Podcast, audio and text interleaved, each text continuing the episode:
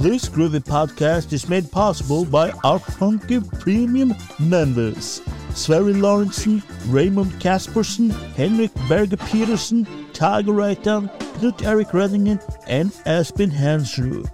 Thank you, cool cats, for digging our podcast. If you dig our podcast too, go to attackofthekillcast.com slash go premium and join the family. Peace out, motherfucker.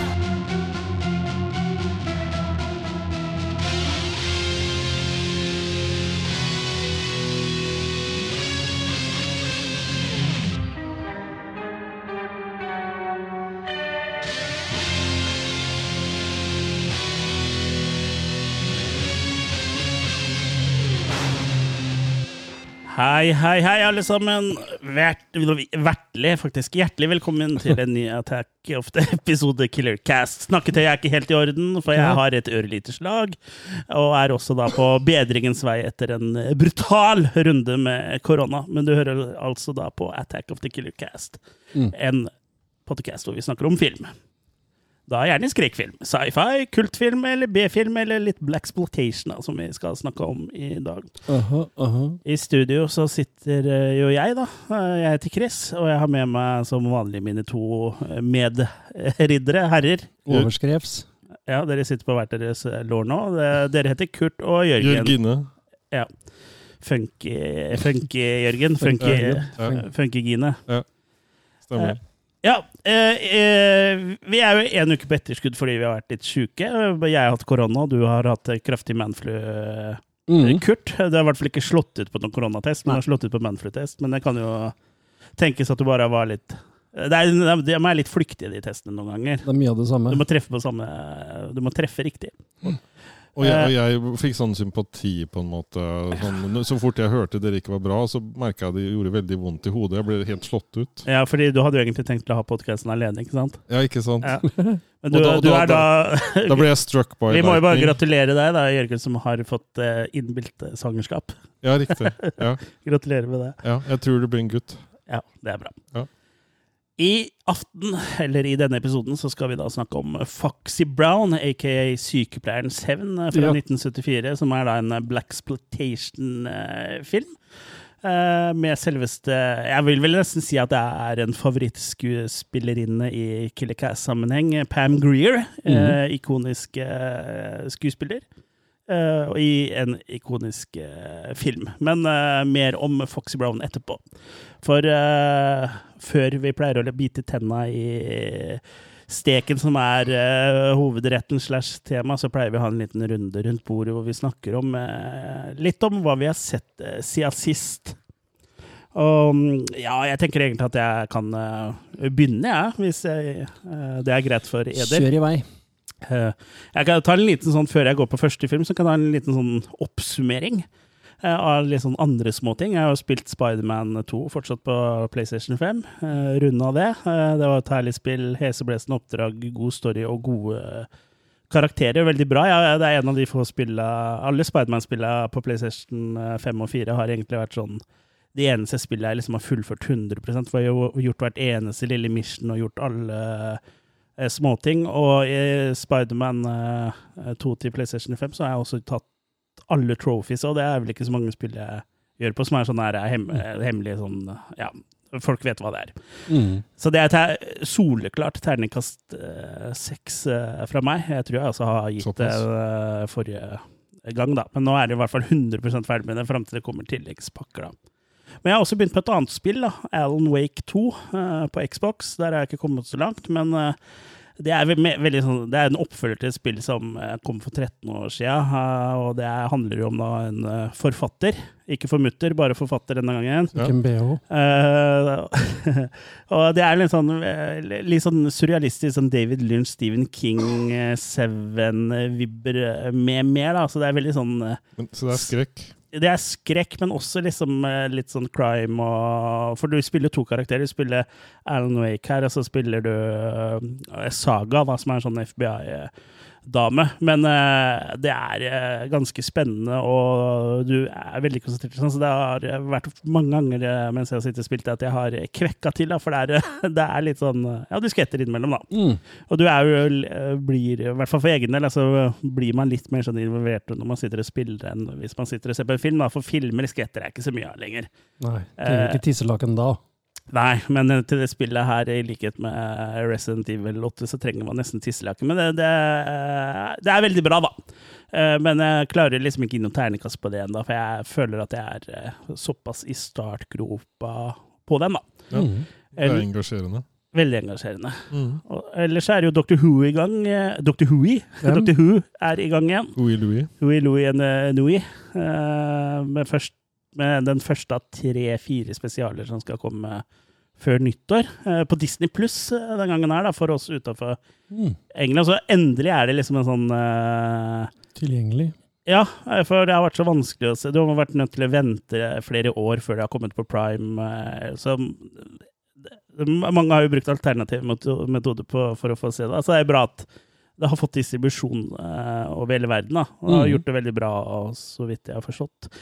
Eh, men ja, eh, Dr. Who er tilbake, og David Tennant er tilbake som Dr. Who òg. Sånn Ja, eh, midlertidig, i hvert fall. For eh, doktoren har blitt regenerert til han, og han jo, vet jo ikke helt hvorfor. Og det er jo det man finner ut av, antagelig, så i løpet av de tre spesialene, eh, tre-fire spesialene. Jeg lurer på om det er fire, at det er tre først, og så er det en sånn Christmas special. Uh, hvor er det du streamer det? Disney Plus. Mm. Første spesial uh, var ganske spennende, syns jeg, og morsom og cheesy. Uh, For det er liksom Dr. Who skal jo være litt cheesy, for det skal være folk i kostyme. Og, det er mye praktiske effekter der, i tillegg, Mm. så det er jo bra. Og så det, det, det, hovedfienden, eller liksom nemesisen til Dr. Who, er jo Daleks. Eh, De er ikke med her, da, men liksom eh, det er jo, De har jo sånn uh, sugekopp som arm, så det, er, det er liksom, ligger jo på liksom halvskise-nivå. Så jeg syns det er liksom bra at de fortsetter med det, og ikke Mm. ikke liksom går for sånn ultrarealistisk, da. Kanskje Så, noen har det som fetisj, da, hvis de har sånn sugekopper. Ja. For det, eksempel. det, deg, deg om det. Men ja, jeg er optimistisk. Jeg, så første spesial var ganske eh, bra, syns jeg. jeg. hadde litt sånn overkill, men litt sånn walkiness, og det spiller ikke noe rolle hvilket kjønn det er, og bla, bla, bedidda. Eh, ja, binær, ikke binær, og det var liksom en sånn greie handling. Sånn, så litt sånn walk, men jeg satser på at jeg er forbigående, at det ikke blir pøsa på for mye Mm. eh, med det. Ikke for det, han eh, som skal ta over etter eh, David Tennant, som da blir den 15. doktor. Nå husker jeg ikke hva han heter, men han er jo da en farget mann. Men i tillegg så lurer jeg på om han skal være litt sånn fluid eh, gendermessig, eller om det er bare noe jeg har fått for meg. Jeg er en gammel fyr, så hvis jeg tar feil her, så er det ikke jeg som prøver å være uh, gammeldags. Bare henger ikke med i svingene. Men uh, veldig gøy. Uh, Ja. Dr. Who, terningkast fem på den første spesialen. Bravo. Mm. Skal jeg ta en film, eller skal dere ta, har jeg eh, ta noe i mellomtida her? Har du mange? For jeg har litt å ta, jeg Jeg har to, så du kan ta i med, en Ja. med mellom her. Da begynner jeg med en jeg som jeg ikke fikk For hadde, Sist gang hadde vi vel ikke runde rundt bordet, eller sånn var det? Jo, Det var i hvert fall en som jeg ikke har fått tatt forrige gang en eller annen gang. Det var en du satt på. En jeg satt på. Eh, jeg men forrige sett- gang rundt der, eh, eller der hadde vi ikke rundt bordet, for da var vi på Ramaskrik. Ja. Du hadde ikke bord. Jeg har sett Du, eh, du var her, du òg. Megan fra 2022. Ja, har du sett Unrated eller eh, den vanlige? holdt jeg på å si? Ja, det var et godt spørsmål. Det jeg var husker ikke hvilken jeg har sett heller. noe streamingtjeneste, så er det sikkert ikke unrated, vil Nei. jeg tro. Nei. Men eh, ja, eh, de fleste vet vel sikkert hva det handler om. Det er en slags moderne Shiresplay. Play. Det er rett og slett en dame som jobber som ingeniør for et, et sånn leketøyselskap. Så har hun på en måte en prototype på en menneskeaktig robot da, som hun forter seg litt med å prøve å lansere etter at et annet prosjekt har gått litt i dass. Ja. Så at eh, den roboten skal være veldig personlig, da. Eh, han skal lære å kjenne det mennesket, eh, og gjerne kid, da, for det er jo barneleke. Skal lære det mennesket å kjenne så godt at de kan på en måte være der både som venn og oppdrager og lærer og ja, Flere hatter. flere hatter på samme robot. Eh, noe som uh, tilsynelatende fungerer veldig bra i starten, men uh, vi vet jo alle hva som skjer når uh, AI prøver å ta over. Ja. Det, Det blir seks fingre på Oslo Sporveier-reklame sånn. ja, Eller Ruter. det, blir, det blir cursed. Ja. Så Megan blir litt for attached, og Prøver rett og slett å rydde unna alt som kan eh, ligne på Trusler. trusler, ja. Mm. Og meget bra film det her, egentlig. Eh, veldig creepy til tider. eh, og eh, litt sånn old school når det gjelder effekter her òg, vil jeg si. Selv om selvfølgelig det er jo en del CG her òg. Ja, men kunne fort gjort at det bare var CGI, og det er det Ja, jo ikke. det er det ikke. Og Megan i seg sjøl er jo spilt av et menneske, men det er jo selvfølgelig også veldig mye CGI. Sånn, Ja. Tr- Trynemessig og sånne ting. Ja, men det er liksom det er blitt brukt riktig, da, Ja. føler jeg. Istedenfor at hele dokka er det, så Stemmer. Så, gjør man det der liksom på en måte har noe for seg, da. så det er på en måte ja, Jeg vil nesten kalle det Eller ja, det er nesten på en måte Child's Play i voksendrakt. Ja, det er på en måte kanskje Child's Play bedre enn det Child's Play gjør sjøl Ja. akkurat nå. Modernisert. Mm. Ja. Så absolutt anbefale Megan, altså. En uh, sterk en femmer fra meg. Ja, Ja. Jeg har jo sett den, jeg òg. Jeg tror jeg har nevnt den her òg. Jeg tror jeg havna på noe omtrent det samme. Mm. Jørgen? Jeg har uh, tatt et uh, lite oppgjør med fortiden, og vi har nettopp uh, Du har sett på uh, f- videoen hvor du blir født? Jeg har sett på Har jeg det? Jeg har ikke, jeg har ikke noe video av det. Nei, det, var, det er kanskje 80 millimeter. eh, Ja, nei, Og 80 millimeter åpning. ja, det var Det er det. trang fødsel. Ja. Eh, nei, men jeg, jeg har jo et visst forhold til Donald Pleasence Ja. i, i Halloween. Så Ja. jeg valgte også å se Halloween 2 på nytt. Mm. Og nå var det egentlig Nå, nå, nå, nå følte jeg at det på en måte Nå takla jeg den mye bedre. Ja. Så nå, nå, nå Sklitakla du? ja, nå syns jeg ikke det var så jeg, jeg Når hadde du først vært eh, Siden sist har du vært innom Fenomena og den eh, Hvem er den spiller? Dr. No? Nei. I James Bond, eller? Ja. Nei, det er vel ikke Dr. No, Nei. men eh, en eller Det er annen av han, de blir, doktorene. han sitter i rullestol også med en katt. Og så ja, han ikke sluppet en er det Bl. Blomfelt. Ja, Ja, ja, Blomfelt. Blomfelt er det. Ja, Blomfelt, Det- det- Han er jo Mm. Ja, inspirasjonskilden til Dr. Evil. Ja. Mm. For, der, der, eh, for han har gjerne liksom veldig sånn derre Hva skal jeg si for noe? Han, han, han blir litt sånn overdrevet animert, eh, liksom, syns jeg, når han er i halloween.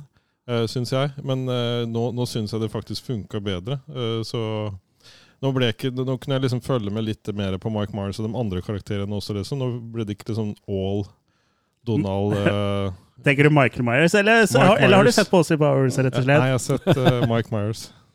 Ja, Mike, My, Michael Myers. Myers det Michael Myers. Ja. Ja. Det er ikke som om du er med i en skrekkpodkast eller noe sånt. da. Nei, nei. Jeg sliter alltid med å huske Groove navnet navnet hans. Det er så lettere når de bare har ett navn. Jason, for eksempel. Det er så lettere å huske. Ja. Mm. Minner igjen om at du er med i en uh, skrekkfilmpodkast, og du har vært det de siste ti åra. Har Jason bare ett navn? Har han dobbeltnavn nå? Nei, man har et etternavn, da. Ja, det, det husker ikke jeg. Det kan være sånn, Voorhees? ja, det stemmer. Men jeg, jeg holder meg på fornavnet. Altså. Ja, ja. Ja. Nei, men fall, nå, nå, nå, nå fikk jeg litt mer det der med historien, og nå fikk jeg liksom på en måte Svelga unna litt mer sånn fortløpende. Ja. Så nå på en måte koste jeg meg litt mer med filmen og Mhm. øh, killsa og litt sånn forskjellig. Det høres jo litt sånn brutalt ut, men øh, nå, nå, nå syns jeg ikke han var så forstyrrende element men jeg syns han har vært tidligere i den serien der. Nei, riktig. Så øh, velger å gi den en fire, terningkast fire. Mm. Mm. Jeg husker ikke, det er så lenge siden jeg har sett den, men jeg husker at jeg syns den i forhold til eneren er den ganske eh, resten. Ja, nå, jeg da. Sist vi så den, så syns jeg også den var litt sånn svalestup, ja. Ja, for den prøver å kopiere kopiene som Mm. uh, er copycats av originale Halloween, istedenfor Mm. å fortsette å være sin egen greie. Så den er litt sånn eh, eh, Basert på at det er lenge siden jeg har sett den, så er ikke det noe mer enn en treer for meg. Altså. For meg så går det et stort steg opp i neste, uh, Mm. i Halloween 3. Ja. Som er en av de bedre i serien, syns jeg. Men du liker vel den nye Halloween 2 best, gjør du ikke det? Nei, den var eh, Det var noe kult der òg, Ja. men eh, det er liksom Mm. Det er ikke alt der som er like fengende. Nei. Men det var mye fine sykesøstre her, da. Ja, Hva med sykebrødre? Nei, ikke så mange syke brødre, mest syke søstre. Jeg har vært på Sky Det Showtime. er en syk broder, da. Brother, ja. ja, ja, spesielt i den, ja. Mm. Det er jo Det er det det den timelinen. Jeg har vært på Mm. Sky Showtime jeg, og titta på litt film. Mm. Jeg har sett uh, Knock at the Cabin, eller Knock at the Cabin, Knock. som heter på ordentlig engelsk. Mm. Som er regissert av ja, det her kommer ikke til å gå bra, M. Night Shyamalan. Shyamalan. Shyamalan. Som egentlig er en film jeg har hatt lyst til å se liksom en stund. Som kort fortalt hva plottet går ut på, så er det en familie på tre. Eric, Andrew og deres adopterte datter er på hytta eh, sin, hvor de blir da oppsøkt av fire fremmede som uh, kommer med et eh, noe spesielt eh, dilemma uh, som de presenterer for eh, denne familien. da. Og det er at de tre imellom må velge eh, en av seg, da, som frivillig må ofre seg selv for å unngå apokalypsen. Mm. Og ikke, ikke nok med det at du, en av dem i denne familien må være villig til å dø, den uh, må også være, bli drept av uh, et av de andre familiemedlemmene. Da. Ja. Uh, og om, ikke, det skjer. Og om ikke, de ikke gjør det, så går jorda under. Da. Og de tre er liksom da dømt til å gå rundt på en tom planet fram til de dør, da. Eller noe sånt noe. Uh, så ja, uh, hvis folk hadde dukka opp på hytta de har sagt det her, så hadde jo selvfølgelig uh, tenkt at det her er jo helt uh, Spinnvilt. Ja. spinnvilt, ja. Men uh, er det så spinnvilt? Eller eh, det er jo en uh, For det kan jo høres bare ut som en vanlig home invasion-film, men det er liksom det lille ekstra som gjør at det kanskje er noe i det her, da. Mm. Så jeg, jeg har liksom ikke lyst til å liksom røpe for mye her heller. Men i hele handlinga foregår jo på denne hytta med med unntak av noen flashbacks. eh, For du får jo også liksom noen flashbacks av denne familien eh, som eh, eh, Blant annet at de er og henter en adoptivdatter, for det er jo et homofilt par, dette her. Eh, men med unntak av de flashbacka, så, så er hele handlinga lagt til eh, eh, den hytta, da. Og det er jo et Hva er greia med hytter i skrekkfilmer, tror du? Ja, si det. Um, Cabin in the Woods og nok et Cabin og Det er vel det at du liksom er eh, avsideliggende. At du liksom eh, Det er lett på en måte å bli isolert der, da. Så jeg, Mm. jeg tror det er, tror det er rett og slett hytta er det. isolert. Ja, men, nei, men at du er isolert fra omverdenen, liksom. For det er ikke eh, Ofte så kan det jo liksom være dårlig mobildekning der, og du kan, kan på en måte liksom få gjennomført en skrekkfilm med enkelt på en Mm. hytte, da. Mm. Eh, Men jeg vet ikke om det her er ren horror, egentlig. Selv om eh, selvfølgelig dilemmaet den blir presentert for, er jo kanskje det verste du noensinne kan oppleve. For hvis det faktisk eh, Hvis noen hadde kommet til, til deg da, og bedt deg om å gjøre det, det her, og du på en måte hadde skjønt at det her var ekte vare, at du må drepe en du er glad i for at resten av menneskeheten skal kunne overleve, så er jo det Kunne jeg jo levd godt med å vært de siste tre menneskene igjen på jorda òg. Ja, eh, ja, ja men det, det er jo uansett et eh, For folk med moral, da, sånn utenom deg, så er det jo et vanskelig spørsmål, da, Og selvfølgelig. så tenker jeg at de to er jo ikke i slekt siden de er to menn, og de har en adoptiv datter. Ja, men du må ikke være i blodslekt, da. Nei, nei, men da er det jo ikke noe fare for at det blir noe gærent sånn hvis de ligger med stedattera, sånn at de kan fortsette verden, da. Ja, det, det er sant, men verden eh, her i det, det dilemmaet her, så er jo ikke mulig å bygge noe i den verden, for den står i flammer. Det er uh, Ja. apokalypsen, liksom. Du, du som har, har en eh, fortid som eh, en kristen oppvekst, uh, bør jo vite dette her. Så blir det sånn eh, problemer med Men problemstil problemstillinga det er jo en ganske spesiell eh, problemstilling. Og en umulig For det er liksom det å være ansvarlig for hele menneskeheten. Altså det er jo Mm. Det er vel et dilemma de fleste av oss håper uh, at vi aldri kommer til å være nødt til å ta. Absolutt. Uh, men ja, uh, filmen da, nok uh, At the Cabin er velspilt. Jeg er spesielt imponert over eks-wrestler Dave Batista, som kanskje er best kjent som Drax i Guardians of the Mhm. Galaxy-filmene. Han er jo lederen blant de fire som oppsøker hytta for å stoppe apokalypsen. Four Horsemen. Ja, det er jo et, et eh, lite hint akkurat der at det nettopp er fire. Mm. Så for de som eh, har eh, vært bortom en eh, bibel, eh, så mm, vet de jo litt kanskje hva det, dette her går i, da. Mm. Men eh, uten at det er noen spoiler eh, nødvendigvis. Men det er en nervepirrende og spennende film, og det, er- det, er, litt, det er ikke noe kunstverk, men jeg syns jo på en måte den skiller seg nok ut til at det blir noe helt eget, da. Ja, Mm. det er viktig. Eh, så, og han Shayamalalan La-la-la-la, dong, dong, di, dong, dong, dong er jo litt sånn hisse hiss. hit and miss, syns jeg. Men jeg syns jeg synes egentlig at treffer ganske bra her. Altså, den mm. funka uh, for meg, uh, men jeg tror det Nå har jeg snakka ganske mye om den, men jeg tenker at eh, du bør ikke høre eller lese noe mer enn det jeg har sagt da, før du ser den. Eh, Mm. For da tror jeg liksom mye av greia kanskje Jeg blir litt borte, da. Mm. Jeg er sånn som skal, sagt på Sky Showtime. Så det var litt greit å få valuta for eh, Få noe igjen for det abonnementet Mm. der, altså. Men for meg så blir det en svak femmer, altså. Jeg syns, jeg syns den var bra, ja. Ja, var Kjempegæren idé. Mm. Nei, og eh, som sagt litt andre, annerledes da, enn man kanskje først tenker. da. Eh, Jeg tenkte i utgangspunktet at det skulle vært litt Ja, nå skal jeg ikke røpe for mye, men eh, jeg tenkte kanskje litt mer sånn eh, At det var litt mer sånn standard home invasion-type Last House on Mm. Litt sånn type, da. Mm. Men det var det ikke. Det er jo sånn forbannelse som er over podkastene her, at hvis du røper for mye nå, så blir det ikke jul. Det er det vi har ansvaret for her. Jul? Ja, det blir ikke jul hvis du sier for mye Jul! Jul! Nei, vi, vi får bare køle på hver. Strålende jul. Ja. Og du mer, Jørgen? Eh, det har jeg. Jeg har sett eh, Karate Kid eh, oh. etter mange, mange år. Hvem av dem? Den første. Den gamle, gode klassikeren? Ja. Mm. Så det er eh, Jeg regner med de fleste som hører, eh, i hvert fall av det eldre garden, har sett den. Eh, Mhm. Den yngre garden har sett den med William Smith sin sønn. Ja. Så det er ganske, ganske kjent for de fleste. Eh, Mhm. At det er en da som blir eh, Ja, han blir jo bullied når han flytter eh, og sånn. Eh, Men, men med nye, ferske øyne, hvem var det som var egentlig skurken, og hvem var det som var eh, good guyen her?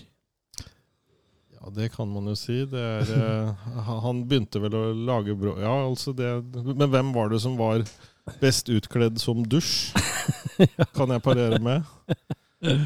Ja. Og så er det noe med wax on og wax off. ja. Ja, For å få inn bevegelsene. Praksiserer vel du hver dag? Ja.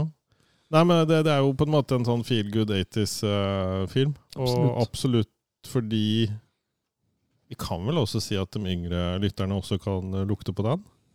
Syns jeg. Ja, Hvis de ja, ja. har litt sans for 80-tallet og litt sånn. Og liker, de liker jo gamle gubber som oss, så da liker de kanskje sånne filmer òg. Den serien, den Cobra Kai-serien er jo blitt veldig populær. Ja. Har ikke jeg sett det et minutt, da. Nei, Jeg har sett første sesongen, vel. eh, Men jeg har jo noen, en yngre garde hjemme som var veldig fascinert av den. Syns den var kjempebra. og. Den yngre Hans Majestet eh, Kongens Garde. Ja. Ja.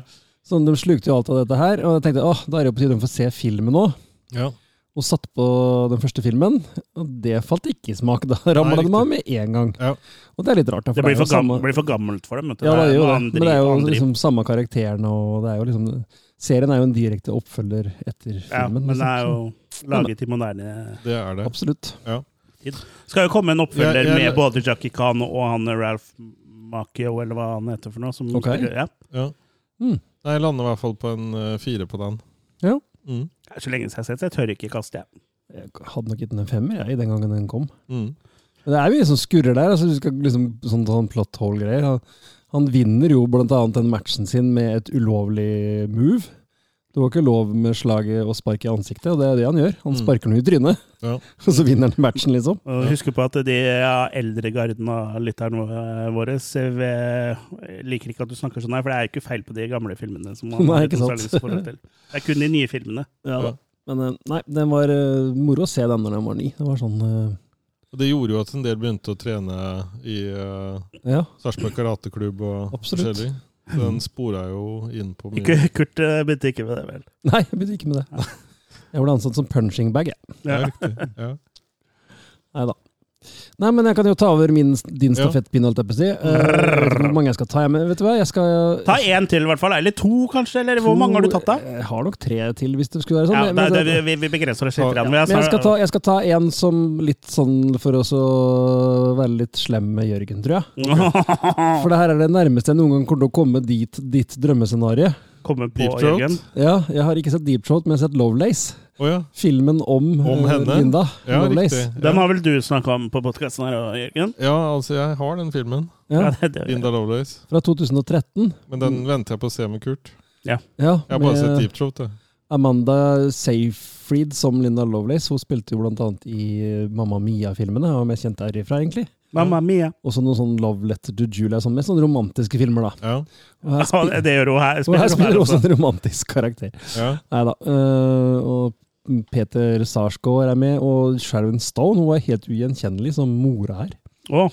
Hun holder beina samla her. Ikke sånn som i Ja, det er derfor, det er derfor at de ikke kjente henne igjen. Si. Ja, her var det dattera som ikke hadde Eller karakteren Dattera er karakteren. Ja.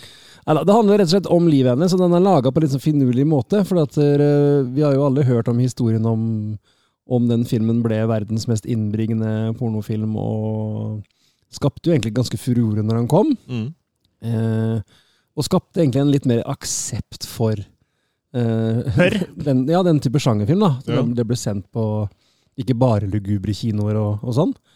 Finansierte ikke også det den tjente inn til andre prosjekter også? Absolutt. Ja. Hun fikk jo nesten ingenting sjøl. Men han eh, mannen hennes, han Chuck, han var jo på en måte litt sånn visjonær, men han hadde jo ikke vett på å, å makse ut det han kunne på det, da. Nei. Så han levde jo resten av livet sitt eh, ja, på å komme opp med den neste store greia, Ja. ikke sant? Mm. Eh, og hun ville jo ikke mer. Eh, Så historien har jo i all tid vært det at eh, det her var en ting hun var med på og villig til å gjøre, og at det var liksom hennes ikoniske greie. Mm. Men hun har jo etterkant kommet ut med en, eh, blant annet en bok hvor hun forteller at eh, hun ble tvinga til mye av det her. Og hun ble rett og slett utnytta og prostituert og ja, at han Kjæresten hennes, eller mannen hennes, var ikke noe grei, da. Nei, nei. Så filmen er lagt opp på en sånn artig måte at du først ser the sunny, sunny side, på en måte. Mm. At alt virker veldig sånn golden, og så snur det litt, og så får du se historien på nytt igjen, sett fra hennes synspunkt, da. Ja. Eh, Det høres ut som en litt sånn spennende for- fortellergrep. ja, jeg syns faktisk det. Eh, ikke så ofte du ser det. Og, og, Nei, ikke i film, i hvert fall. Nei, i hvert fall ikke det er- Serier og sånn gjør det kanskje litt oftere. Absolutt. Og, og det er ganske velgjort, på en måte. da. At Det Mm. er liksom litt sånn sømløst. Det er nesten akkurat som du bare snur kameraet, og så får du se en helt annen historie. Ja. Mm. Så, så jeg likte faktisk den ganske bra. Ja, altså. Jeg syns de spiller bra, og ja, du får litt innblikk i det. Uh, rett og slett. Uh, Nå må du jo se Deep Throat òg. eh, de gjenskaper jo den mest kjente scenen der, og selv om de ikke viser det direkte, så får du jo ganske med deg hva det går ut på. da. Ja. Men det, det må jeg si, den virker ganske cheesy. Ja. Uh, Deep Throat? Ja, Ja, historien det er og alt bak. Det er jo mye filming at hun bare kjører rundt i en bil, har jeg skjønt, og ja, litt sånne ting de viser da i. Men Lovelace eh, er absolutt verdt eh, å ta en kikk på den. Altså, jeg vil vel kaste en eh, firer, kanskje til og med sterk firer på den. Ja. Og som vanlig så får du være den som finner ut hvor jeg har streama den. Nå har jeg faktisk Just Watch-appen, kanskje jeg kan bråkikke der? Ja. Ikke på Pornhub. Nei, Nei, der finner du en andre. der er jo bare oppskrifter og gardening-tips og sånn. Ja, er og sånn gamingvideoer, og folk eh, som spør om de vil uh, være med og spille Også matematikkundervisning. Det var vel en mattelærer som hadde lagt Den er på. TV2 Play eh, Prime Video, kanskje? det er Sånn på? Ja, det kan stemme. Nei, der er den utilgjengelig for øyeblikket. Så det Det er, er jo- etter Kurt da er det sikkert på TV2 Play, da. TV2 Play, ja. Ja. Kan stemme det. Eh, Jeg har jo for, eh, I koronafeber, holdt jeg på å si, har jeg, jeg sliter litt med å se film egentlig når jeg er sjuk, for jeg sliter med å fokusere og konsentrere meg. heldigvis sånn. ikke når du er tjukk. Nei, heldigvis ikke. Eh, Men når jeg er syk, så, så sliter jeg litt med å konsentrere meg. Og sånn. Men jeg fikk jo da kommet meg gjennom, har fått kommet meg gjennom én film da, i sykeleie, i hvert fall. Litt synd, egentlig, for det er jo da det er perfekt å se film, men eh, det blir mye Mm. soving. Lå du i stabilt sykeleie? Yes. Eh, Jeg har eh, da sett Cleopatra Jones Ja, eh, fra 1973, Ah. som da eh, kan jo være en liten forrett til hovedretten Mm. vår. Det er da også en Black Exploitation-film med kvinnelig hovedrolle, og handler om den tøffe spesialagenten Cleopatra Jones, som jobber med å motkjempe narkotika, da. Det syns hun er noe svineri. Og etter at hun da har brent ned opiumfrøplantasjene til crime-bossen med det velklingende navnet Mami, Det er da en kvinnelig eh, crime-boss her, som tydeligvis er eh, Ja, vi kan jo snakke mer om det senere, som er i hvert fall vært en trope i en del av de, eller i noen av de Black Exploitation-filmene jeg har sett. da. Men eh, hun Mami da, hun vil jo da hevne seg på Cleopatra Jones fordi hun har brent ned uh, disse opiumfrøplantasjene. Så hun slår jo da hardt ned på Kleopatras venner da, i hjembyen, eh, som både Kleopatra og Mommy er fra. Så Kleopatra kommer da tilbake til USA da, for å ta et oppgjør med Mami og hennes kriminelle nettverk. Såpass. Mm. Så handlinga er jo eh, Ja, det er jo litt sånn eh, Litt svevende, eh, vil jeg si. Eh, Men eh, det er jo en Black, Black Exploitation-film, på godt og vondt, dette her. Um, Den er jo faktisk kommet året før Foxy Brown, eh, faktisk. Den ka- kommer samme år som Coffee, så det var liksom midt i den heydayen eh, til kvinnelige hovedroller i actionfilmer, da, som var en sånn oppadgående trend. Eh, etter Coffee i, i, Black, i Blaxploitation-filmer. I Mm. Hollywood så var det jo ikke i det hele tatt. Det var jo helt Nei. uhørt. Eh, før, før ut sin tid der. ja, Uh, så Cleopatra Jones da, er jo da en tøff agent som ikke finner seg i hva som helst. Som selvfølgelig med kul stil og en sånn helt egen spesialbygd korvett. da. Mm. Og jeg vil jo si at den her er kanskje litt sånn mer lighthearta i, i stilen og gjennomføringa enn f.eks. Shaft og Foxy Brown. Og minner kanskje litt mer om en eh, sånn lavbudsjett uh, James Bond-type film. Mm. Eh, selvfølgelig, for det er jo sikkert en brøkdel av budsjettet uh, som har, gått med her i forhold til uh, en av disse James Bond-filmene fra 70-tallet. da. Mm. Men ja, jeg, som sagt så så jeg den her da jeg var litt sjuk, så jeg, jeg, jeg syns liksom det var helt grei underholdning, men det var liksom Jeg følte ikke at den på en måte hadde vassen. den sjarmen uh, som andre Black Exploitation-filmer jeg har sett, har. uh, eller liksom det lille ekstra som gjorde på at den på, at den på en måte utmerka seg for meg, da. Så det ble, blir liksom sånn midt på tre, da. Funka musikken, da? For det var ikke Pam Greer. Nei, altså Pam Greer er jo et eh, stort uh, trekkplass. Hva sa du, Jørgen? Fun- Funka musikken i filmen? Ja, musikken uh, funka, for det er jo alltid eh, kul musikk i disse Black Exploitation-filmene. Det jo, var jo liksom et springbrett for mange uh, musikere. uh, så, uh, fargede musikere på den tida der. Så det er jo funk. soul og funk så det holder. Men ja, så det er en Black Exploitation-film, men midt på tre-type, tenker jeg. Altså, jeg lander vel på en terningkast tre. Men det var uten Pam Greer. Det var uten Pam Greer. Ja, ja. Da mangla den jo to store fordeler. Ja, eh, det er noe med det, altså. Mm. Eh, Men eh, hun som spiller Cleopatra Jones, hun heter jo da mm, Skal vi se, hun heter Tamara Dobson. Ja, det jo også- det var jo ganske ikonisk hun. egentlig. Ja da, hun er også Mm. ikonisk, og det er vel flere Det er egentlig Cleopatra Jones in the Casino of Gold òg, Mm. har jeg ikke sett. Og så har hun spilt i flere filmer, og også Fuss og Shane the, Shane the Heat, blant annet. Chained Heat. Mm.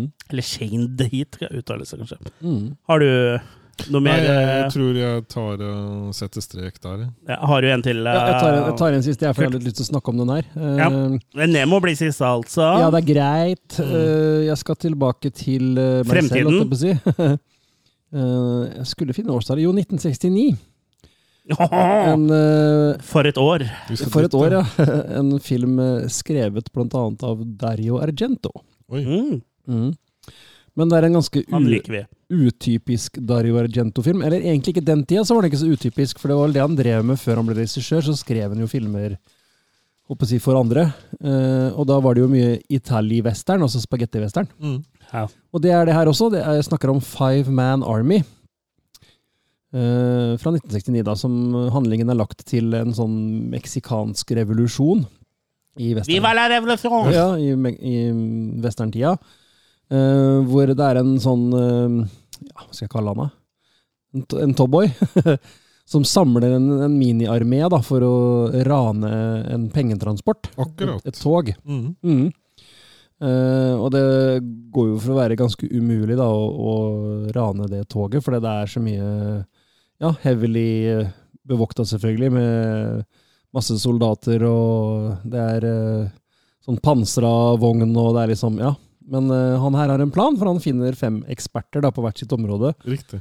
til å hjelpe til. da. Uh, Så en heistfilm i spagettivestern, rett og slett? ja, egentlig. Og det er uh, han som samler dem, Dutchman, han er spilt av Peter Graves. Han er Ja, kanskje mest stemmer. kjent fra Mission Impossible, tror jeg. Og så Airplane. Airplane, selvfølgelig. Mm. Mm. Uh, og så har han med seg blant annet Bud Spencer, sånn, sånn strongman-fyr, selvfølgelig. Ja. Ja. Så det er tidlig Det høres jo lovende ut, dette her. Mm. Ja. Veldig tidlig Bud Spencer-rolle. Og her, som jeg har forstått det, så er det vel en av de få filmene hvor han bruker sin egen stemme. Han er ikke dubba i etterkant, eller han har dubba seg sjøl, da. Ja. Hi, I'm Bud Spencer. Det er sånn stemme han hadde, ikke sant? ja, absolutt sånn. Uh, og så har jo, ja, han har jo blant annet med seg en meksikaner, han har med seg en samurai. Ja, det er en five man army. Samurai. ja. En samurai. Selvfølgelig. Ja. Og det er rett og slett dritfunny, hele greiene. Og det er ja, spennende, er vel kanskje å ta i, men det er actionfylt, og det er er likende. kløktig, liksom. Mm. Bygd opp. Du, du tror på det du ser, Ja. samtidig som det er deilig uh, spagetti-western, ikke sant? Mm. Så jeg likte veldig godt den her, ja. Fireman Army. Ja. er gitt ut på DVD fra Warner Classics. Det vil si at det, den gangen var det sånn Burn on Demand-utgivelser Oi. på DVD. Så den tror jeg ikke er gitt, gitt ut på noe annet etterpå, men den fins i hvert fall i en Og det er en bra skann og sånn, den utgaven der òg, til å være en eldre DVD. DVD-R. Mm. Mm. Så, men uh, Fireman Army er absolutt å anbefale. Altså, er du Dario Argento completist og Bud Spencer completist, så er den jo helt uh, en must. Ja, artig coop. Ja, så jeg likte veldig godt den, altså. Det er liksom plot-twister og sånn på slutta der. Eh, så det Ja, Jeg ser at det er Ennio Morricone-soundtrack òg. ja selvfølgelig. Det må, skulle, må, burde jeg jo også sagt. Ennio Morricone har laga et eh, bra soundtrack her, og til tider Det ene bra han har. Det ene bra. til tider du, du, hører hvem det er som har soundtracket hele veien, for å si det sånn. Men han lager jo Ja, han krydrer jo enhver film han uh, Ja, Hva hadde vel uh, Spagetti Westerns vært uten, uh, uten Morricone? Da hadde det bare vært nudler. I hvert fall med han samurai... Uh, Samurai-fyren! Det ble makaroni-western isteden. Hei, makaroni. Men hø hø den hørtes jo gøy ut, da. Ja, så jeg anbefaler den nå hvis du ko kommer over den, så ikke nøl med å se den. Hvor er det du kom over den? Nei, som sagt, jeg har den på DVD fra den Så Warner folk må dra Archives. hjem til deg og låne den? Ja, eller kjøpe den på Amazon, eller hvor, Ja. Ja, Det glemte jeg å si. Cleopatra Jones, eh, da, den letteste måten å se den på, er å leie på Apple TV til 39 kroner. Eh, Det går altså an å kjøpe den, jeg husker ikke hvor mye det var, sånn 99 eller 79 eller noe sånt. nå. Eller så er den jo sikkert på Amazon, eller noe, men jeg tror ikke den er noe Det er dårlig med Black- Blaxploitation på norsk streaming. Bortsett fra Ja. Bortsett fra Jeg var litt overraska over at den var på leie på Apple TV, egentlig. Uh, flere av de, de Blaxploitation-filmene er der. Men mener også at uh, vår, ho vårt hovedtema for i kveld, Foxy Brown, tror jeg også er å, å leie på Apple TV. Så, så det, de filmene er mer tilgjengelige enn de har vært før, da. Ja, er det ikke en del på Amazon Prime, tru? Jo, Uten at jeg skal- mulig, men jeg fant ikke noe der nå. Nei. Men kanskje det har vært og blitt Ja, jeg fjerna. Men eh, det er i hvert fall mulig å få, ta, få sett da, relativt raskt, hvis du har internett. Det Burde vært mye av dem nå som det har vært Black Week og sånn. Var det rasistisk? Nei, det er, helt sikkert. Ja, det er sikkert noen som blir krenka. Men eh, ja, eh, og da bare kjører vi i gang og snakker litt om Foxy Brown. igjen. When Foxy Brown comes to town, all the brothers gather round, cause she can really shake them down. Pam Greer, that one chick hit squad who creamed you as coffee, is back to do a job on the mob as Foxy Brown. Sounds like a public menace. Show do. A chick with drive who don't take no jive. She's sweet brown sugar with a touch of spice. If you see a man anywhere, send him in because I do need a man. And murder if you don't treat her nice. Have no fear, Pam Greer is here as Foxy. Foxy Brown. Rated R. Rated R. Rated R. For pirates. Arr. Foxy Brown, altså, aka Sykepleierens hevn, fra 1974, regissert av Jack Hill. Um, den handler jo Det er Pam Greer da, som spiller Foxy Brown. eh, Ei foxy dame med bein i nesa. Som går på Veldreid. Hevne, Veldreid også, og har bein i nesa. eh, Som går på hevntokt etter at hennes kjæreste, som er eh, Sies vel egentlig aldri hvor han er agent, men han er en eh, slags FBI-CIA-aktig type agent, da. Mm. Som har jobba dypt undercover i den kriminelle underverdenen. Eh, Jeg ler litt fordi Jørgen driver og mister eh, ti kilo med godt og blanda på gulvet her. Det var du for å få deg til å krabbe Ja, hvem er det du prøver å lokke til deg, ja? Du må ta altså, le legge det under forhuden din, okay. så skal jeg ta en tur bort etterpå. Men akkurat nå så jobber jeg, Jørgen. Eh, Men eh, jo, eh, kjæresten er jo da en, en agent da, som har vært dypt undercover i en kriminelle kriminell underverden. Og såpass dypt inne har han faktisk vært at han har vært nødt til å liksom ta kosmetisk kirurgi da, for å Mhm. liksom ikke bli kjent igjen av, av disse folka. Witness protection uten å være witness. Ja. eh, det er jo agent protection. Altså, det er jo tydeligvis en sånn veldig heavy agentvirksomhet han da er inni når Ja. på en måte det er løsninga han går for. Så syns jeg det er en kjempeløsning da, at når du har tatt en sånn operasjon for ikke bli gjenkjent. At du bor på samme sted med samme dame og alt Ja. sånt noe. Det er sånn som kanskje kan føre til komplikasjoner. Ja. Så det er kanskje ikke så rart da, at han da ender opp med å bli drept av det kriminelle syndikatet som Mm. eh, da han har etterforsket. Takket være Foxys egen bror. Ja, eh, så det er liksom Han oss- egne man skal eh, Høre det. eh, høre det. Ja. Eh, Men ja, Foxy bestemmer seg jo da for å ta hevn ved å da gå løs på dette forbrukersyndikatet ved å rive det ned fra innsiden ved å gå undercover som prostituert, før hun da til slutt går løs på syndikatets uh, selveste hovedboss, da, Catherine Wall, spilt av Catherine Loader. Som for øvrig spilte sammen med Pam eh, i en annen Jack Killer-film, eh, som vi har snakka om tidligere i podkasten, nemlig Big Doll House. Ja. eh, Som du kan høre i Hvis du blar deg bakover til episode 129, eh, Women så snakker vi om den i The Women in Cages Collection, Mm. hvor vi da tar for oss Big Doll House, og så er det vel to, to andre. Ja. Men i andre roller her, da, så finner vi, seg, finner vi som seg hør og bør i en Jack, film, Jack Hill-film, eh, Sid Haig, selvfølgelig. Mhm. Eh, som da har jo hatt, helt siden de begge kom inn i filmbransjen, har jo hatt et samarbeid. Eh, så Sid Haig har jo spilt i ja, i hvert fall de fleste, om ikke alle, filmene til Jack Hill. Mhm. Eh, så han eh, spiller jo da smuglerpiloten Haze. Og så har vi da Antonio Fargas som Foxys eh, tystende junkiebror. Link, da. Så det er vel eh, basically plot og cast, da. Mm. Type. Ja, så det, det er jo litt sånn uh, artige plott, syns jeg, i hvert fall i de crime black exploitation-filmene jeg har sett hittil. For det er liksom alltid noe Det er liksom en sånn hemmelig agent eller en eller annen sånn super-duper eh, agent eller politi eh, som liksom skal rydde opp, da. Eh, det var jo Shaft, og du har jo Dolomite, og du har jo liksom uh, Foxy Brown og uh, Cleopatra Jones og alle de, disse her. Ja. Mm. Eh, så det, det, ja, det er, det er jo en egen sjanger, og det, den sjangeren kalles jo da blaxploitation, Ja. Uh, som da egentlig er et begrep som er en sammensmelting av to ord. Du gjetta helt riktig. det er Black og exploitation. Ja, fordi det er jo da en eh, term som eh, brukes for å da beskrive en etnisk subsjanger innafor film, da. Og sånn eh, En utlagt term. Ja. Eh, sånn begrepet sånn eh, opprinnelig skal ikke ha vært sånn veldig positivt eh, eh, coina sånn til å begynne med, da. Eh, For det skal visstnok ha blitt eh, funnet opp av lederen i NAACP i Beverly Hills Juniors Griffin i 1972, da, i det han omtalte da, disse Black Exploitation-filmene. Fordi han mener rett og slett at de på en måte er en exploitation av uh, the black people. Da. At det er uh, viser For uh, Profitt på liksom ja, også liksom på en måte tyr til uheldige stereotyper av fargede, da. Mm. For det her var liksom en tid hvor NAACP gjorde og, og afroamerikanere generelt gjorde liksom litt fremdrift i USA. Da begynte de liksom å komme seg høyere opp i stillinger og begynte på en måte å, å få eh, Ja, de var liksom på vei fremad, altså fremad i samfunnet, så de eh, så på som uheldig at det liksom kom så, sånn type filmer hvor liksom eh, eh, damene tydde til prostitusjon, og det var mye drugs, og, mm. og gutta var eh, liksom eh, Ja, Alle var jo bare pimps eller uh, ja, det var junkies. pimps eller hoes eller junkies, liksom.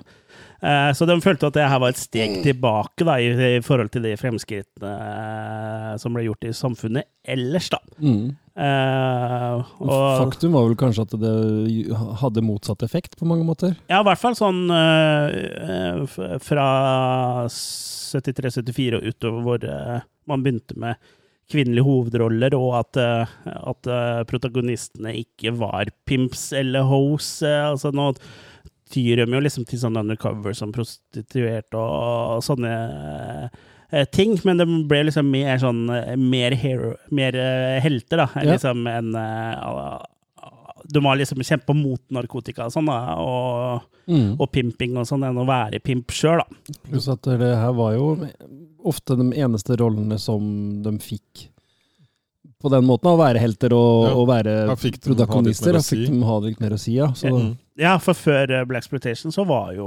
afroamerikanere var jo begrensa til å være sånn comic eh, relief eh, sidekick eller spille slave, og that's it. ja, eller slem. Og når du Ja, eller slem, ja. ikke fikk være med, så var du sånn blackface. Ja. Ja, det er jo enda lenger, Enda lenger før, ja. før det enn Men eh, ja, så det eh, ble jo la... Det var jo liksom et eh, Black Splitation fylte jo et to- tomrom eh, for et publikum som var sultne på å liksom Mm. se seg selv representert på lerretet. Ja. Og ikke minst få jobbe i bransjen også, for det var jo minst like vanskelig å være bak, komme seg bak kamera som foran mm. uh, på den tida for afroamerikanere. da.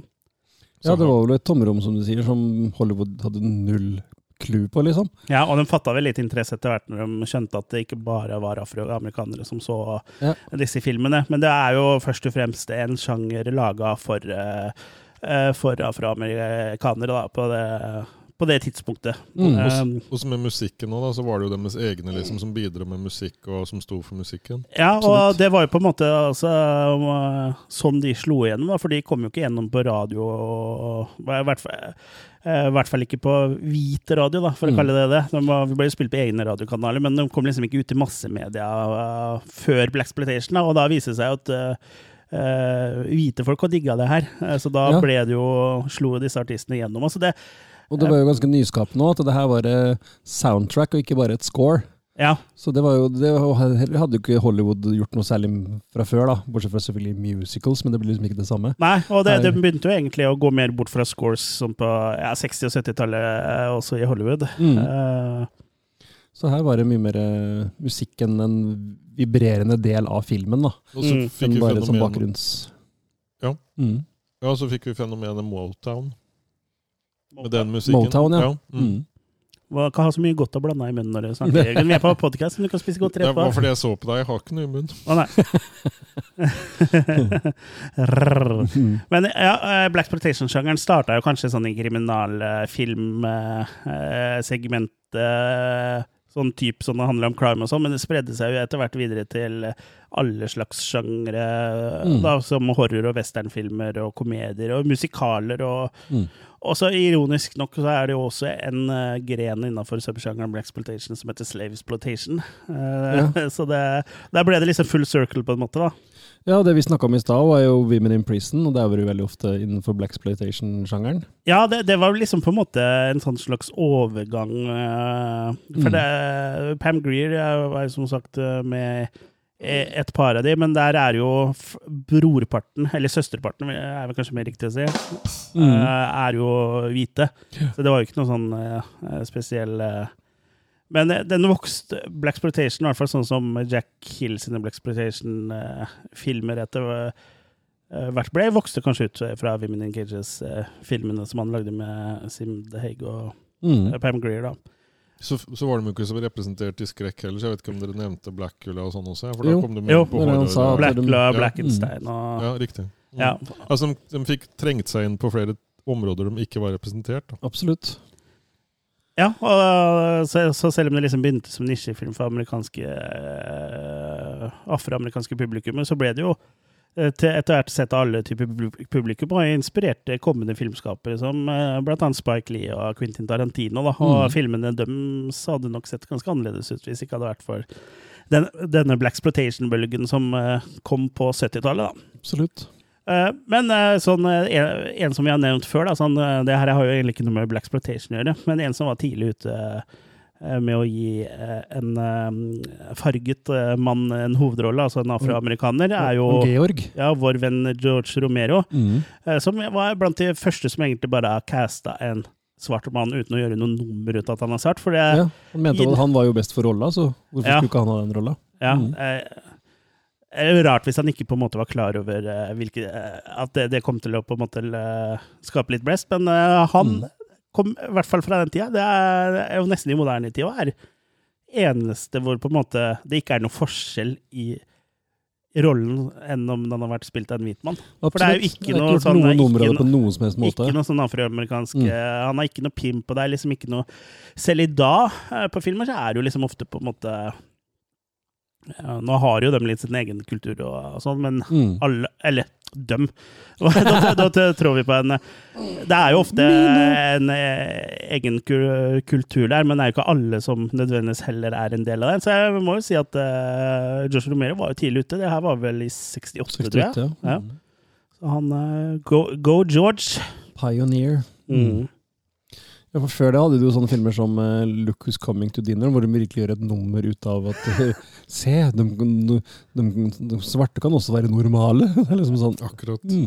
Ja, det er Hva sier gøy å gå på kino og se det som Ja, uh, det er sikkert empowering. Ja.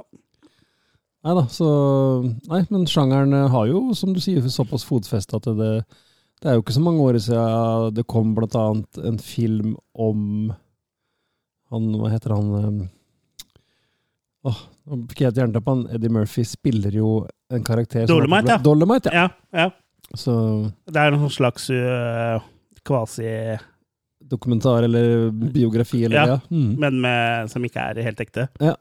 Og så hadde du vel den derre Dynamite et eller annet, kom jo for noen år siden. Black. Dynamite. Black Ja, Dynamite. det, ja.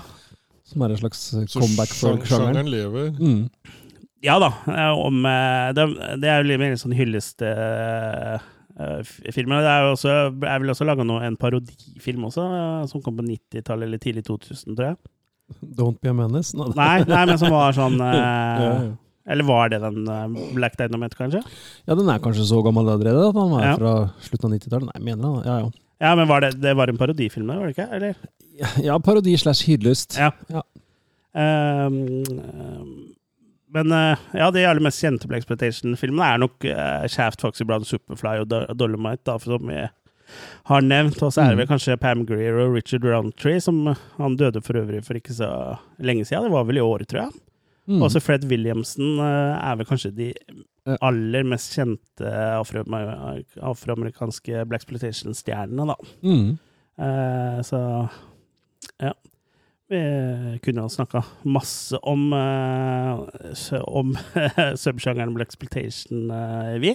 Eh, men eh, det fins jo massevis av ting på nettet eh, hvor du kan lese om eh, dette her, og det fins jo helt sikkert dokumentarer, uten at jeg har noen å anbefale for hånden akkurat nå. Men det er jo en subsjanger som eh, i hvert fall jeg finner interessant, da. Mm. Og spesielt er det litt sånn interessant med tanke på at, eh, at det gir liksom et innblikk i den uh, segregeringa som eh, var og er eh, fortsatt i USA, at den, eh, hvordan den var på 70-tallet. da. At selv om det var fremskritt, så var det eh, ja, så var de ikke helt der enda, og Nei. det er de kanskje ikke nå heller. Det kan vi ta og snakke om litt senere i podkasten. Men uh, også av alle disse exploitation-sjangerne, da. Så, så exploitation er jo per definisjon noe som er lagd kun for å profitere på en populær eh, sjanger, på en måte. da, eller sånn, ja, og, Du tar en sjanger til det ekstreme, eller du tar Ja. Ja, og det er vel kanskje det Det er på en måte den eh,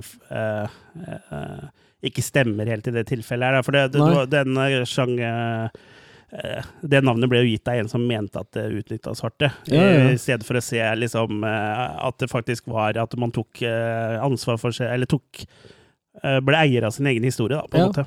Men av alle de subsjangerne, sånn som nunsploitation, nazisploitation osv., så, videre, og så, videre, så er vel blaxploitation den eneste som kanskje filmatisk har noe å komme med på et vis, da.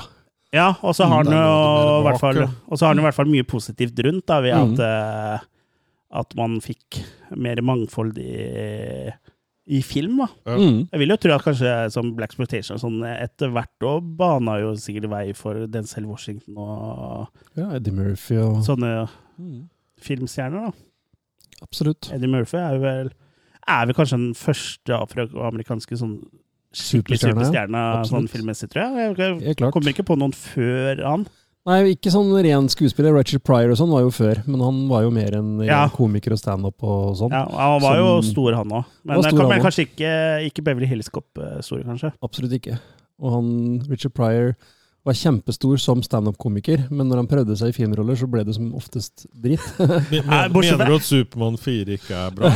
Men eh, jeg skal, må dra frem én Richard Pryor-film. eh, Det er en stund siden jeg har sett den, her, men jeg mener å huske den som et mesterverk, og det er med Gene Wilder òg. Det er mm. Intet sett, intet hørt. Ja, Ja. den, ja. Fy fader, ja. den er bra, altså. Ja. Ja da. Ja, det var flere bra. Det er vel Silver See no og- evil, hear no evil? eller? Er det den heter? Jeg lurer Ja, det. stemmer. Ja, den må jeg ta et gjensyn, men den Ja. er uh... Men du har Stir Crazy òg, som var, var før den. Ja. Som også er morsom. Men var ikke en Stir Crazy laga en farget eller et eller annet sånt? Ja, Det husker jeg ikke. Det kan godt være. Ja. Ja da. Mm. Vi ser ikke farge her i Killercast, vi ser bare uh, makis. Nei da. Har makis, har ikke makis. Ja. Det, det betyr av bryster, da, fordi det er uinnvidde. Mm. Men uh, ja, uh, sound, det er jo sånn spesielt kjennetegn også på Black Exploitation, så er jo at de har et ganske heftig soundtrack. Ja, for det er jo Det er jo sånn solo-funk som du var inne på. Og det var jo det at det kom fra Motown. Og jeg har hørt gjennom hele det albumet og sånn, og det var jo måten særlig han øh, han øh, sang på. Han øh, William McKinley Hutchinson. Som da på en måte han, han gjorde jo på en måte hele jobben her. Han var jo både han var jo både sanger, låtskriver og produsent. Ja, der kom litt av traileren, og jeg tenkte egentlig å spille litt musikk i bakgrunnen her. Sånn. Ja. Så, så på, på Motown så var det jo flere som ble uh, signa. Der var det jo blant annet eh, Marvin Gaye, The Jackson 5, The Supremes, The Temptations, Steve Wonder og Smokey Robinson og The Mar Miracles. Så det her var ikke noe småtteri, liksom. Nei, og det hører liksom på den Motown-sounda. Det er jo Jeg tenker porno. ja, det, gjør du, det gjør du nok. Det gjør du uansett. Er det ingen som tenker det når man hører den musikken der? Det ble sikkert mye brukt etterpå, i hvert fall. Ja, det, er, det er ikke alle som ser på årgangsporno sånn som deg, vet du. Vi liker å se litt mer sånn eh, moderne ting, vi. Ja, riktig. Men eh, ja. Det, det er jo et kult sound, da. Ja, absolutt. Det har veldig attitude og sånn. Og så måten han bruker vokalen på og sånn, og vrir liksom ut uh, tonene Det når du hører på det. Det er vel, Hva het han um, Var det Phil Spector han het, han som var produsent for veldig mye av det Motown-greiene? Som uh, ja, Wall of Sound, eller Jeg Ja. husker ikke. Wall of Sound, ja, han skapte jo veldig mye studiogrep, da. Som Ja. sånn uh, overdubs og at du la musikken i lag. Mm. Uh, og det skapte jo en hel egen sound. Det skapte jo, som du sier, soul og funk, men det var også med å starte disko. Så der er jo egentlig ganske tidlig disko. Ja, og for Earth, Wind, Fire-gjengen også var vel med og laga for noe sånn Black Exploitation-film og noe sånt, tror jeg. Musikk og noe sånt, tror jeg. Ja da. ja Ja. da. De fleste av de store stjernene hadde vel en finger med i spillet et eller annet sted. ja. Hei, hei, hei. Så det, var, så det var det som var så fint med det her, at det ble liksom en smeltedigel både med Mm. musikk, film, alt sammen. Du fikk, eh, og, og det var gagna dem hvis de liksom tenkte hele pakka. At de Mm. slapp uh, singel først, mm. og at den ble populær først, og så kom filmen og alt det der. Så hadde de liksom fans Ja, ja. allerede. Så det var veldig, det var en veldig smart måte Mm. å gjøre det på, da, i forhold til måten de gjorde det på. Jeg kan ikke si jeg kommer på noen særlig filmer før uh, Black Exploitation altså, som hadde så populære Nei, for det var sanger fra, liksom, låter fra. Ja, kanskje eh, James Bond, da. Ja, de uh, fikk jo på en måte en sånn introlåt, uh, Ja. Mm. eh, men som brukte det som sånn eh, soundtrack, ja. Det Ja. var nok ikke sånn. Easy mange- Rider var jo tidlig ute med soundtrack. Ja, det er Ja. klart. I en annen stil, da. Ja, altså, i filmen er vel ikke, ja, filmen er vel ikke like musikk like viktig i filmen der, eller? Kanskje jeg husker feil? Det er lenge siden jeg har sett Ja, Easy ja. Reidar. Eh, Shout-out til Øyvind Bronk. mm. Nei da. Så absolutt noe eget ved sjangeren, det greiene der, altså. Ja. Absolutt. Du Eh, kan eh, gjøre en del moves og sånn mens du hører på det her. Ja. Ja. Uh, så den real-dollen din eh, forkjørte seg når du setter på eh, Motown-recordsene dine. Stemmer. Nei, det, det er jo en sjanger som har fått et uh, Som har eh, gjort sitt eh, innbitt i historien, da. For eh, Foxy Brown anses jo å være en av de mest innflytelsesrike Blaxploitation-filmene, kanskje sammen med Shaft, da. Mm. Eh, så satte jo da Foxy Brown spesielt standarden for hvordan en kvinnelig protagonist skulle være i disse filmene. Eh, Slutty? Nei. Nei, men liksom eh, på en måte eie sin kvinnelighet og på en måte Mm. være Ta Hun har myndighet, liksom. Ja, liksom ta på en måte saken i e- egne hender, da. That's what she said. um, og, og så Foxy Brown og det, er, det, er jo ikke bare liksom det at, eh, hun er, at den er kul, og sånn, men Pam Greer er jo en stjerne her eh, i de filmene hun er med, og det hjelper jo. eh, i mange, i av et bedre ord at hun er grisedeilig òg, Mm. på den eh, tida her. Hun er jo et skikkelig realt støkke, stykke, uten at vi skal bli ve veldig mye mer mannssjåvinistiske her nå. Men litt, husk på at alle her er over 40, så litt må vi Det er jo ikke sånn at vi ser ned på henne. Tvert imot. Nei, og det er jo det som er eh, litt av greia her, liksom. Hun skal jo være en bomb. Ja, og det er jo Det er, var jo virkelig, i hvert fall, på 70-tallet. Jeg ser jo en av hennes neste filmer eh, fra 1976. Eh, den heter jo på norsk Sup- 'Supersexy hevner'. Ja. oh, men uh, litt, litt sånn eh, artig grunn til at Foxy Brown heter Sykepleierens hevn. da. Ja. Her tror jeg har en teori. er at uh, Visstnok så skulle jo Foxy Brown være en oppfølger til Coffee. Mm. Men så ble visstnok dette endra i siste liten, og det står på IMDb og Wikipedia sånn at dette ble endra så sent at de ikke adresserer i filmen hva slags jobb Foxy Brown har. Stemmer det. Uh, så jeg bare tenker, hvor lang tid tar det å skrive et par linjer om det? Så da kan jo det tenkes at dette her ble bestemt så seint at filmen allerede var solgt til internasjonale distributører som eh, Coffee 2. Ja. For i Coffee så spiller jo Pam Greer Coffee, som er en sykepleier. Men jeg lurer på likevel, har det noen gang vært trykka opp noen plakater i Norge hvor den står som sykepleierens hevn? Liksom? Det vet jeg ikke. For den tittelen må jo være fra en plass. Det må jo være en offisiell utgave av filmen. Ja, ja, men heter det er liksom. jo Når, den blir, eh, når de kjøper den inn, så har de jo sikkert sagt De har jo sikkert trykka den opp, om ikke eh, plakater, så andre ting. liksom, Ja, denne her kommer eh, sykepleierens hevn. Mm. ikke sant? Så har de kanskje etter det funnet ut at nei, det her er ikke en Coffee-film, liksom. Ja. det er Mm. en, og da er, heter den allerede 'Sykkelveierens hevn. Mm. Så um, jeg vil jo tro det er sånn, for jeg tror ikke det var uvanlig på en måte for å få litt finansiering. og liksom at du, eh, du får jo mer penger når du går i gang med å lage en film, når du vet at eh, andre land er interessert i å kjøpe filmen. Mm. Spør eh, Golan-gutta om det. De eh, kjørte jo helt andre veien. De, ja. eh, de reklamerte jo for filmen i avisa sånn før de begynte å lage den. i det Før de hadde finansiert den, til og med. Ja, det var sånn de på en måte fikk finansiering. Ja. og- Men ja. Men det jeg- sa faktisk eller satt og hørte på et intervju med Shawnes Cunningham før i uka her. ja, Fortsatt på Mick Garris uh, podkast-kjøre. Mm. ja. Og han også sa at det aller viktigste du kan gjøre først, er å lage en plakat. For hvis plakaten selger, så kan du selge filmen uansett, liksom. ja, ja. Ja. I hvert fall på Mm. den tida, sikkert. Mm. Eh, så det er nok eh, Jeg tipper at det er derfor den heter Sykepleierens hevn eh, Mm. på norsk, da. Ja. Men eh, ja, eh, Black Prestation har jo, som eh, vi nevnte litt tidligere, den har jo ført til Tarantino jeg elsker jo Foxy Brown. Det er hans favorittfilm. Mm. Punktum, har han sagt. Og, Kan det være derfor Jackie Brown han, med Pam Greer i hovedrollen, som antagelig er Er nok en drøm som går i oppfyllelse for ham. å få henne til å trippe barb, barbeint rundt der. mm. Han er på føttene etter henne. Ja, eller, ja helt riktig. Eh, så Foxy Brown var og er en innflytelsesrik eh, film. Også, så tror jeg altså, Black Exploitation bana liksom Det forsvant jo litt sånn med 70-tallet. Eh, men sjangeren for, Døde med diskoen. ja, sjangeren fikk jo på en måte Den videreutvikla seg til filmer som Do the Right Thing, Boys in the Hood og Menace Society Mm, da, på ja. 80- og 90-tallet. For det ble liksom den nye eh, Realismen isteden, liksom, ja. ja, det ble liksom Mm. bytta ut med litt realisme, men Ja. det var jo på en måte afroamerikanske miljøer representert på film, da. Mm. Med mm, ja, både skuespillere og regissører. Og så har vi liksom eh, Men så skal vi til en sjanger da som vi eh, snakker ganske mye om, eh, nemlig skrekkfilm.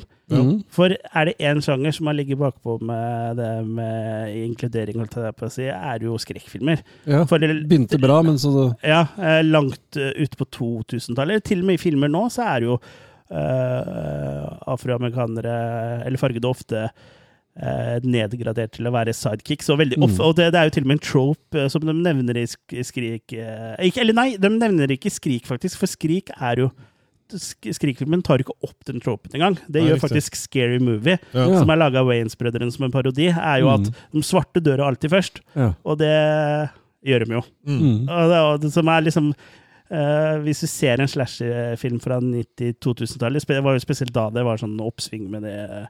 Amerikanske uh, filmer. For det var veldig få afroamerikanere i de 80-tallsfilmene. Men Mm. på eh, 90-tallet, 2000, så var det litt mer. Men det var som regel én, Ja. og han døde. Ja. Veldig fort. Ja. uh, så det, der har jo på en måte Hvis vi kan se at eh, Black Exploitation har på en måte utviklet seg til eh, Jordan Peels uh, sine filmer. ja. For han kom jo da med Get Out i 2017, hvor vi da for første gang så en Mhm. skrekkfilm hvor flesteparten av casten faktisk var afroamerikanske. Og her var jo eh, alle de snille var afroamerikanske, mens de slemme er uh, hvite, da. Og, Ja. og hvite overklassefolk. Det er jo egentlig bare 'Look Who's Coming to Dinner' anno det, Ja, året ja. den Bare kom. snudd på rollene Mm. på, rundt. Men, men i din favorittfilmserie, Chris, 'Tilbake til framtiden', der blir jo han ene som går og jobber på den dineren, han blir jo faktisk eh, pre, ikke pre, Jo, blir han president, eller hva blir han for Eller ordfører i byen? Ordfører. Ordfører i Mm. Ja, så Ja. dem viser jo til at der blir det liksom noe stort. Ja, og senere. eh, der tenker at dem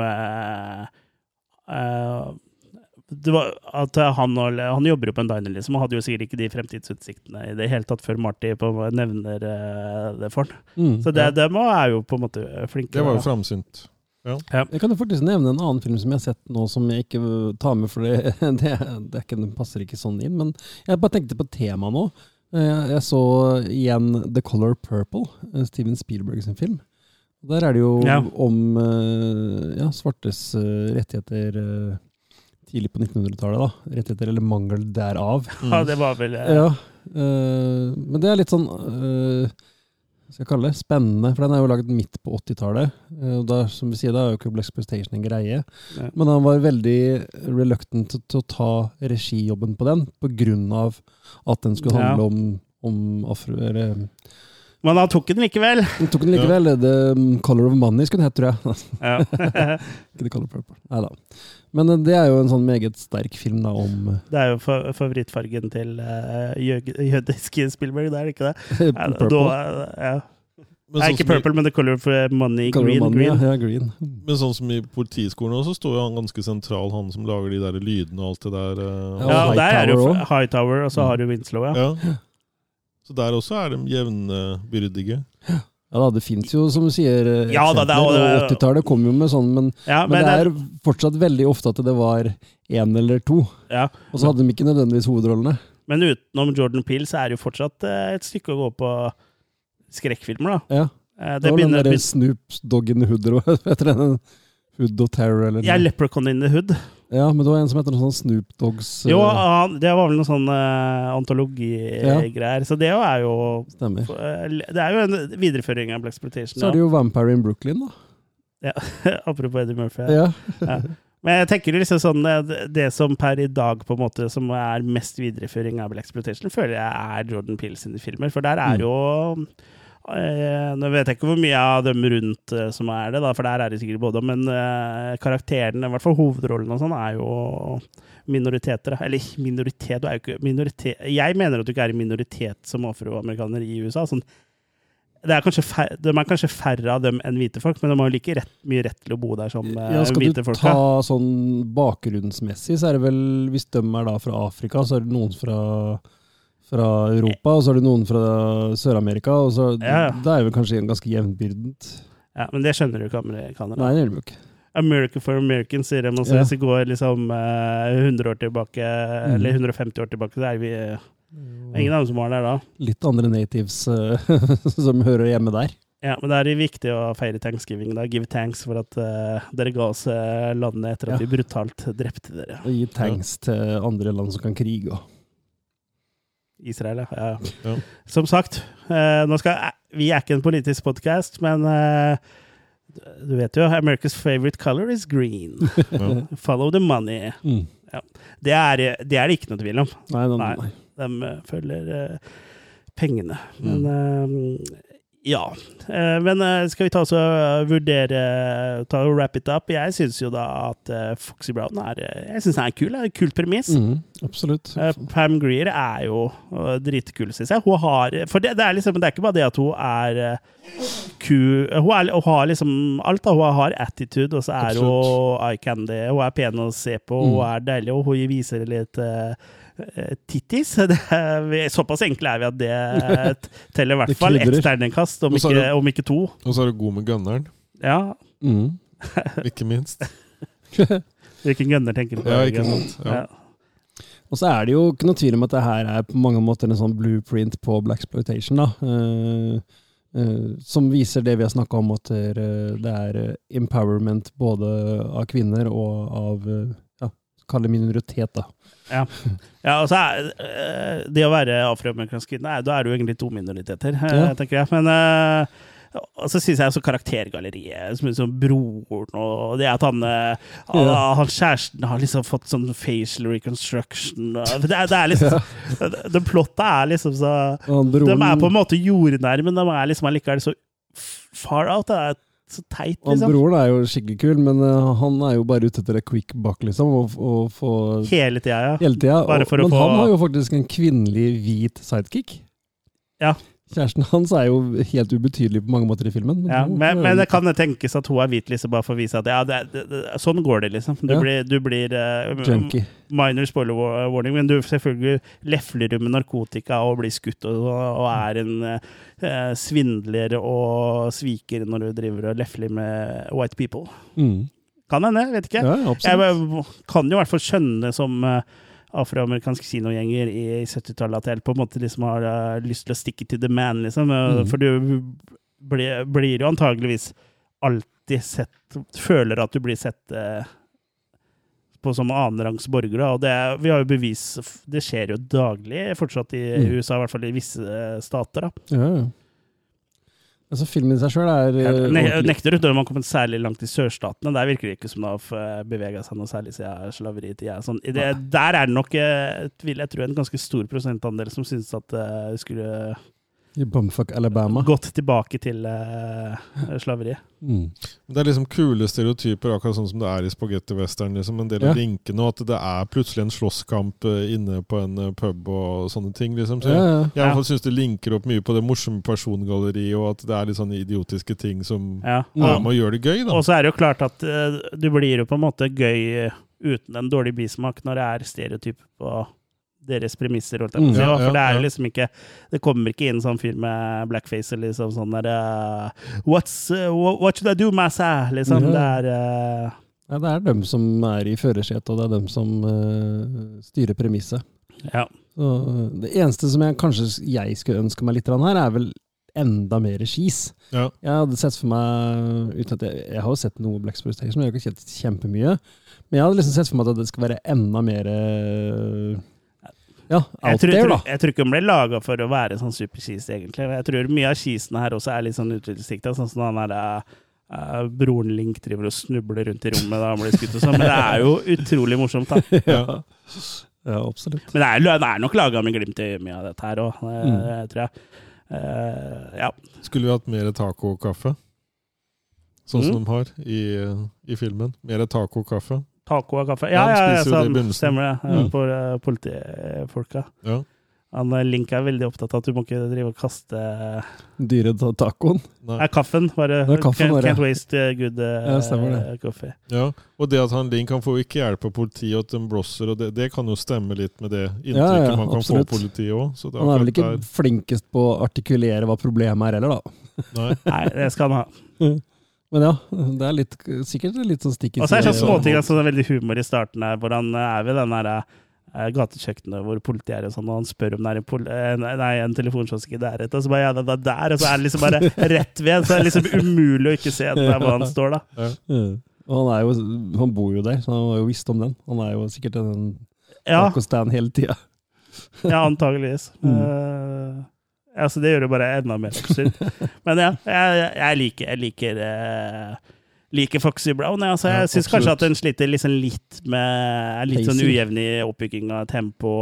Mm. Husker at jeg ble liksom forvirra over planen til Foxy, at hun skal prøve, når hun plutselig dukker opp på kontoret til hovedbossen Catherine uh, ganske tidlig i filmen. Mm. Og det er liksom litt sånn uh, Det det er mulig jeg ikke fitter med meg, men jeg bare syns kanskje ikke den med planen hennes som at hun skal infiltrere øh, den øh, nettverket fra innsida, på en måte kom så tydelig fram. da. Jeg skjønte Nei. det liksom etter hvert. Mm. Uh, Og så får de ikke noe beskjed fra han dommeren hvorfor han var plutselig kutter dem ut, og hva som har skjedd. Og... Men det er jo kanskje for flaut for noe å innrømme det, liksom. Hva de damene gjorde mot den. ja, det er vel det som er Mm. greia. Ja. Ja, ja, ja. At han Det er jo, ikke det er jo liksom for å tyst Eller få han til å holde kjeft, holdt jeg på å si det, ja. At han, Ja, for han var jo egentlig sånn uh, briba av, Kjøpt og betalt. av Catherine ja. og gjengen. Ja. Og det er jo liksom ganske godt bilde på en del hvite menn også, måten Mm. den blir framstilt på. Ja. Det vet jo du alt om. Men det, Jeg er blek, er det du mener? Ja, jeg vet- at du pleier å p- ligge med hvite menn og så eh, presse de ut etterpå. Ja, riktig. White cheeks. Presse dem ut av veien. White cheeks. Du presser ut av dine the white cheeks. Ja. En Foxy Brown. Men uh, ja. Jeg, jeg syns det er en kul tidskapselfilm. Ja, det, er liksom, eh, det er jo en viktig film som definerte denne undersjangeren, og, eh, og spesielt med tanke på kvinnelige hovedkarakterer. Så det er langt på nær en perfekt film, men veldig underholdende, syns jeg. Altså. Så Innenfor sin sjanger så er det jo en av de beste, vil jeg tro, sammen med Shaft. Ja, jeg så den jo to Mm. ganger, og jeg merker jo det liksom man tilgir på en måte mye. Og selv om det er stereotyper og sånn, så ser man jo ikke ned på, men man ser opp til. Ja, ja. Og så er det på en måte sånn skurk og banditt, og det er liksom mye sånn der som man har vokst opp med sånn ja. fra andre ting på den tida. Så det er liksom på en måte man kjøper det Selv om det er på en måte en del litt sånn blanda drops, så er det allikevel en del av sukkertøya som smaker. Det er vel kanskje litt utfasking av hvem som er good guy og hvem som er bad guy, men det er jo litt av poenget når du går undercover òg, da. Ja.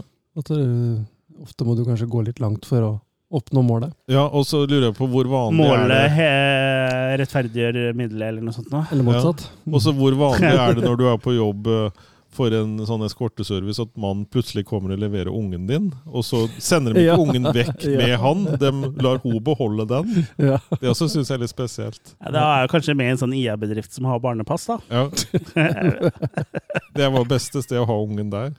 ja, ja. Ja. Det spørs jo hvor hun bor, da. Hvis hun bor i The Hood. Ja. Hvis hun er en av de hoes in the hood. Ja. Nei. Men Nei, jeg eh, syns absolutt at den er eh, en hyggelig film. ja, for meg så blir det ternekast eh, fire. ja, jeg er jo på en firer her, Ja, altså. jeg slutter meg til den. Ja. Ja, den er absolutt uh... Stram firer. Ja, Firerbanden. det er oss. Men vi er bare tre, da. Ja. Men uh, ja, det Men var Pam Greer er sånn uh, Ja, hun er med oss. honorary member. Ja, hun er honorary member. Hun kan være med i podkasten når hun vil. Hun. Hun står på gjestelista. Ja. Mm. Det er mange som står på gjestelista, men da, de kommer aldri på besøk. Nei. Det er, vi får prøve å få med Pam Greer, Greer, Greer eh, i en episode. Det hadde vært gøy. Mm. Men eh, ja, det var jo da vår episode om Foxy Brown. Det Det. var det. Nest siste episode for eh, sesongen før det blir juleferie. Mm. Neste episode så er jo Det er jo juleverksted her. Da har vi jo tatt fram gløggen, og vi spiser pepperkaker, og vi skal snakke da om Mm. eh, Skal lage julekurver. Ja, så jeg er spent på hvordan vi skal lage krumkakene i år. Oh. Det blir veldig små krumkaker da, hvis vi skal bruke det, det jernet der. Fingerbøl. Være ja. Fingerbøl, ja. Men uh, neste uh, episode så er det da Violent Night da, som står på menyen. Og det er jo, vi kan jo nesten si at det er en norsk film, sånn nesten i hvert fall. Ja. Det er jo laga av han uh, Tommy Wirkola. Ja, så vi skal hoppe etter han, vi. Ja. Eh, men ja, det er, jo da først om eh, to uker. Men eh, innen den tid, hvis man har lyst på mer Attack of the Killer Cast, hvor går man da, Jørgen? Da kan du enten gå på Facebook, på Attack of the Killer Cast-siden vår der. Eh, vi har også Losers Club, som er på en måte vår eh, Hva skal vi si for noe? Community, ja. ja. eh, community. eh, Tilknytta sånn gruppe. Ja, um, Der kan du bli medlem og diskutere litt mer sånn bak scenen, holdt jeg på å si, kontra på selve siden. Bak fadesen. Ja, Eller så har du oss på Instagram, hvor vi også er Attack of the Killercast. Du har oss også på YouTube. Eh, Der- der har vi også andre ting, som Burgerbaronen og sånne forskjellige ting. I tillegg til ting som er filmrelatert. Burgerbaronen og For Pølseprinsen. vi har blant annet vært på sånn der eh, hauling, eh, hvor vi var blant annet i gamlebyen og drev oss og snatcha eh, filmer og sånne forskjellige ting. Ja, Mm. det er vel stort sett uh, bruktbutikker og, og sånne ting vi må på, sånn frimarkedet vi må på for å få kjøpt fysiske medier er Ja. i området nå, i hvert fall. Ja. Mm. Mm. Og så Det er vel stort sett det. Vi er vel ikke på Twitter og X, mener du? X, Nei, nei, vi er vel ikke det. Men eh, vi, hvis du liker det vi lager, eh, da, så har lyst til å støtte oss, så kan du gjøre det Da kan så du bli patronmedlem. ja, For så lite som 39 kroner i måneden, så kan du bli premiemedlem. Mm. Og hvis du da betaler 99 kroner i måneden, så kan du også bestemme hva vi skal uh, snakke om. Og du får også en T-skjorte, da. Mm. Mm. Eh, så ja. Det er jo en ypperlig måte på å være sikker på at vi i hvert fall lager episode om eh, de filmene du Og vil du vil gi, vi skal lage episode om, da. Mm. Vil du gi bort oss uh, som noe merch-ting, så er det vel på høy tid å bestille nå, hvis du skal få det til julaften. Ja, da er det bare å gå på attackofthekillcast.com slash merch, tror jeg. Så er det masse T-skjorter og kopper og munnbind og klistremerker og poster og alt mulig. Har vi gagball òg? Vi kan ordne en gagball. Ja. Hvis du stiller som modell. Ja, riktig. Da får du ikke med modellen, da, du som bestiller. Jeg kommer av, det kan også ordnes. Gimp. For 89 kroner måneden. Gimp, jeg får ikke altså, Mindre enn eh, ja. 69 kroner måneden, tenker jeg vi sier. For eh, da får du Jørgen Så, som, Som mannbind. til odel og leie. sånn julenissegimp. Ja. Mm. Eh, men ja, uh, det var det. Eh, Mm. Da prekes vi neste gang, eh, folkens. Ha det bra!